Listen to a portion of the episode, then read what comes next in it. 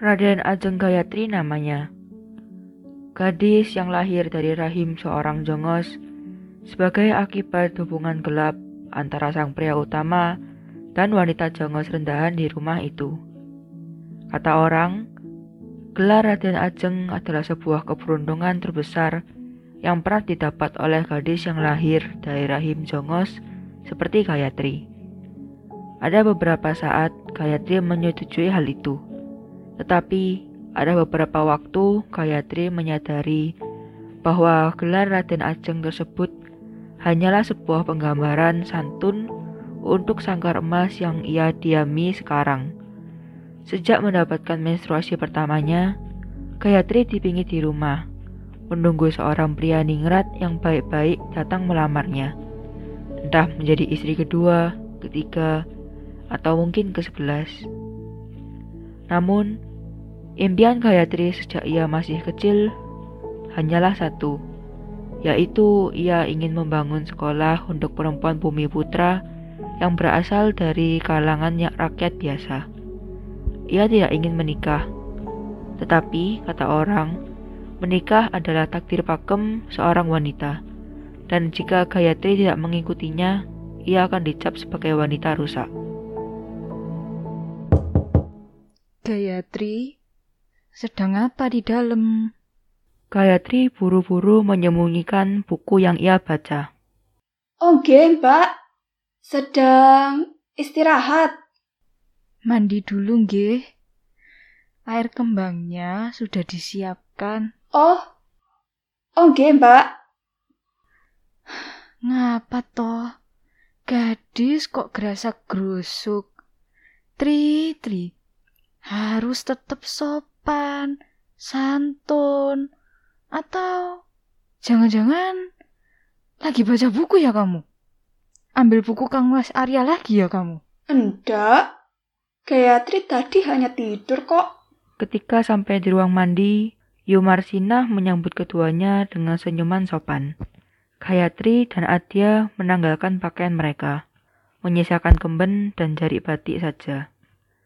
Keduanya duduk saling membelakangi, memudahkan Yumarsina untuk menyiram air kembang di tubuh kedua gadis pingitan itu. Mbak? Hmm. Ngapa ya? Ibu dan Rama ndak izinin kita baca buku. Padahal kita bisa membaca, Mbak. Bahasa Londo pula. Bukannya itu suatu keuntungan? Ya, untuk apa toh? ya, ndak apa-apa, Mbak. Baca buku bisa nambah wawasan sekaligus hiburan. Siapa tahu nantinya kita bisa terpelajar seperti Raden Ayu Kartini, anaknya Bupati Jepara. Bisa membuat sekolah untuk sesama wanita pribumi dan artikel kita bisa dimuat di surat kabar. Gayatri, kamu masih terlalu muda. Uh, maksudnya mbak? Kita, perempuan, kalaupun pinter dan berwawasan, bisa apa? Bisa membuat sekolah untuk sesama wanita pribumi? Lalu, selanjutnya apa? Lihat aja Kartini, dia pinter, berani, tapi tetap berakhir menikah dengan Bupati Rembang. Tetap berakhir menjadi seorang istri, pelayan suaminya, dan pelayan keluarganya. Di madu juga pada akhirnya. Mau berwawasan sebagaimanapun, kita ini tetap perempuan, Gayatri. Tapi mbak... Kita tidak ditakdirkan untuk berwawasan, Gayatri semakin berwawasan, kodrat kita sebagai wanita tuh akan hilang. Lihat aja sekarang, siapa yang mau dengan wanita sepinter Kartini? Ndak ada, Gayatri. Ndak ada.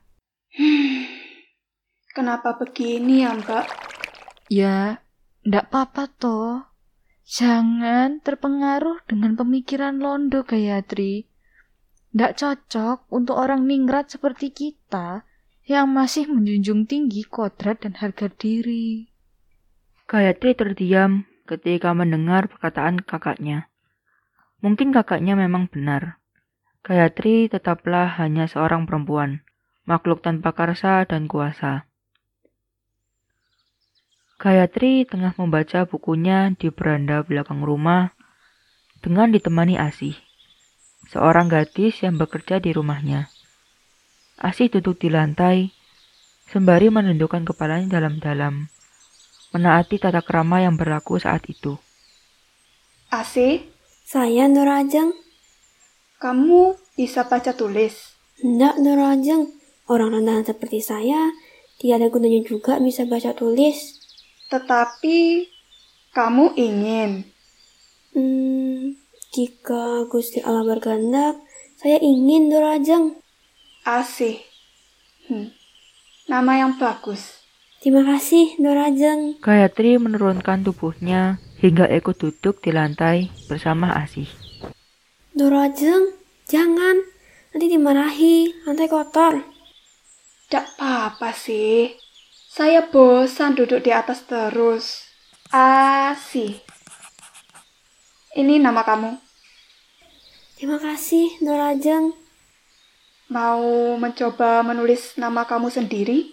Ya, terima kasih Nur Ajeng. Asih mengangguk sungkan, kemudian meraih pena itu dengan tatapan bersemangatnya. Gayatri dengan berbaik hati menuntun gadis belia itu menuliskan namanya dengan baik dan benar. Tidak hanya itu, Gayatri juga mengenalkan Asih pada huruf-huruf tegak dasar dan menyebutkannya satu persatu dengan diikuti oleh Asih. Kamu anak tunggal sih. Asih sembilan bersaudara Nur Ayu. Asih adalah anak terakhir. Kakak kamu di mana? Kakak perempuan Asih semua sudah menikah. Ada yang menikah dengan guru, haji, priai, dan ada yang menjadi gundik. Kakak laki-laki Asih semuanya menjadi orang terhormat di kota. Ada yang menjadi juru tulis dan juga guru. Apa kakak kamu tidak bantu kamu sama sekali sih? Apalagi mereka telah menjadi orang terhormat di kota.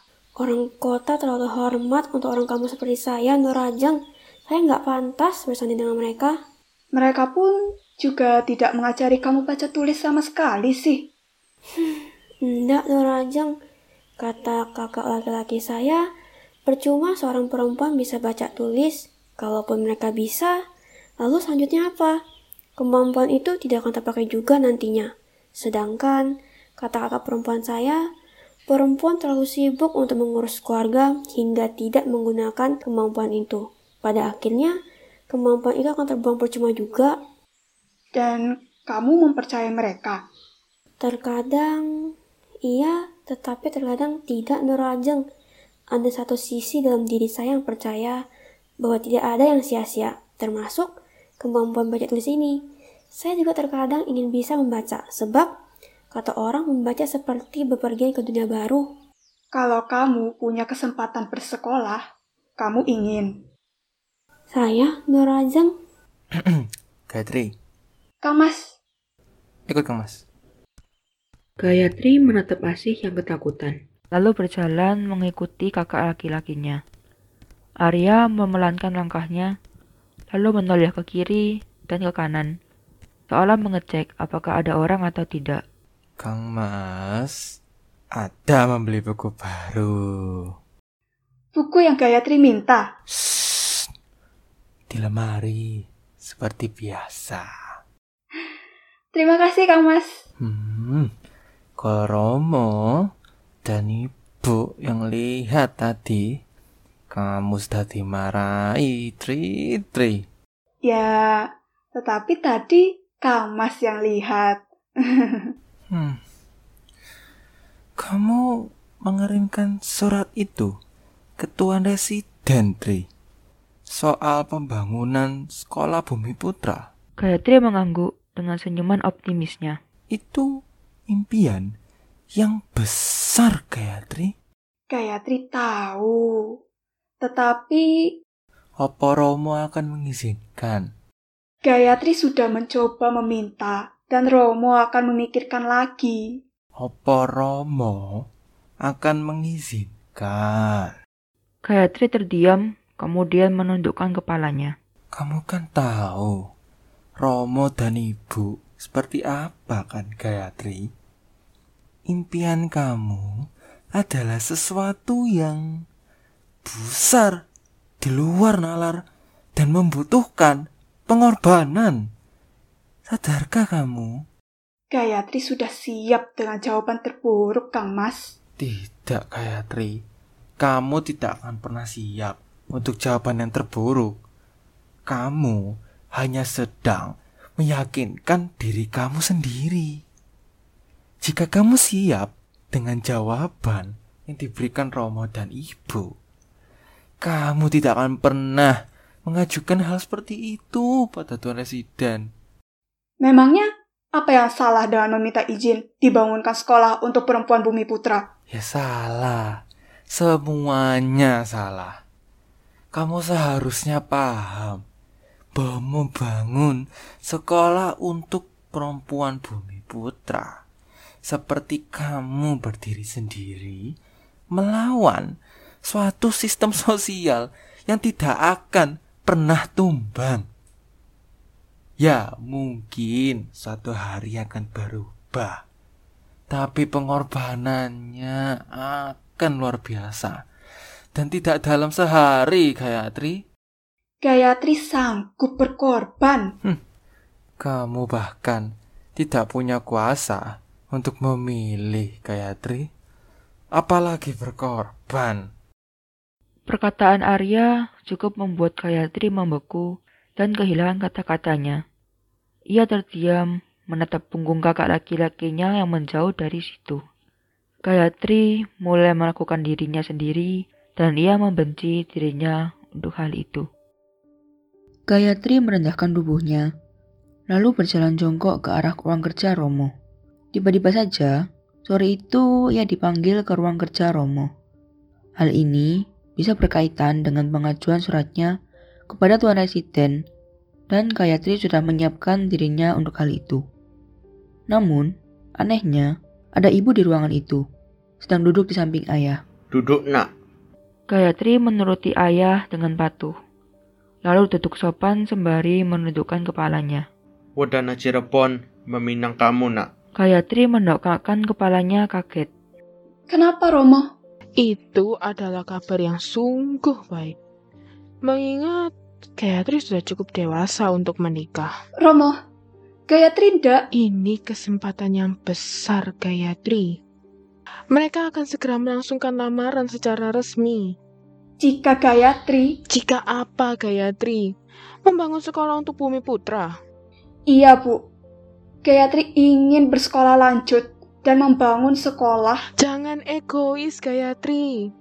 Kamu sadar apa yang akan terjadi pada keluarga kita jika kamu memilih jalan itu? Gayatri paham dan Kamu tidak akan paham.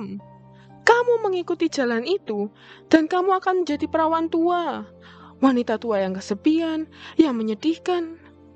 Lalu bayangkan, seberapa banyak orang yang akan bergunjing tentang anak perempuan seorang wedana yang kini menjadi menyedihkan. Nilai diri kamu, Gayatri. Nilai diri kamu sebagai perempuan, kodratnya ditentukan dari pernikahan. Dan begitulah baiknya. Dengarkan ibumu Gayatri. Surat pengajuan itu Romo tarik kembali untuk kebaikan kamu. Bagaimana kalau Gayatri mencoba dan biarkan Gayatri. Sudah Romo bilang. Gayatri mohon, Gayatri, Romo bilang hentikan. Pahami bahwa setiap keputusan yang kamu buat berdampak pada keluarga kita. Kamu bahkan tidak mampu membuat keputusan yang baik. Kamu membuatnya hanya untuk memuaskan ego kamu sendiri. Gayatri terdiam. Ia menundukkan kepalanya dengan air mata yang menitik.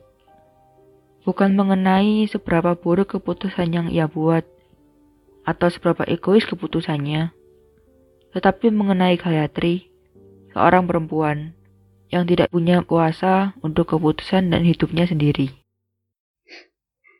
baik, Romo. Gayatri berjalan jongkok, melewati lautan para tamu, yang menghadiri upacara pernikahannya. Setiap orang menatapnya, sebab dialah yang memang menjadi pusat perhatian hari itu. Pria yang meminangnya menjadi istri telah berada di depan, mendunggunya sembari duduk di sofa. Gayatri menghampiri suaminya dengan jalan jongkok yang sama. Kemudian memberi sungkem sebagai salam pertamanya. Mungkin memang seharusnya Gayatri tidak pernah memimpikan hal setinggi itu, atau memikirkannya pun tidak. Mungkin memang Gayatri seharusnya seperti gadis lainnya, belajar menjahit, menjadi istri yang baik, dan menunggu pria meminangnya. Mbak Adia benar, kodrat wanita ada pada pernikahan. Impiannya mustahil. Dan selama ini ia mengejar sesuatu yang berupa angan-angan nyata. Mungkin memang seharusnya perempuan tidak perlu menguasai baca tulis. Ya, pengetahuan itu pada akhirnya tidak akan berguna juga untuk perempuan. Sebab pada dasarnya perempuan hanyalah makhluk tanpa kuasa dan karsa.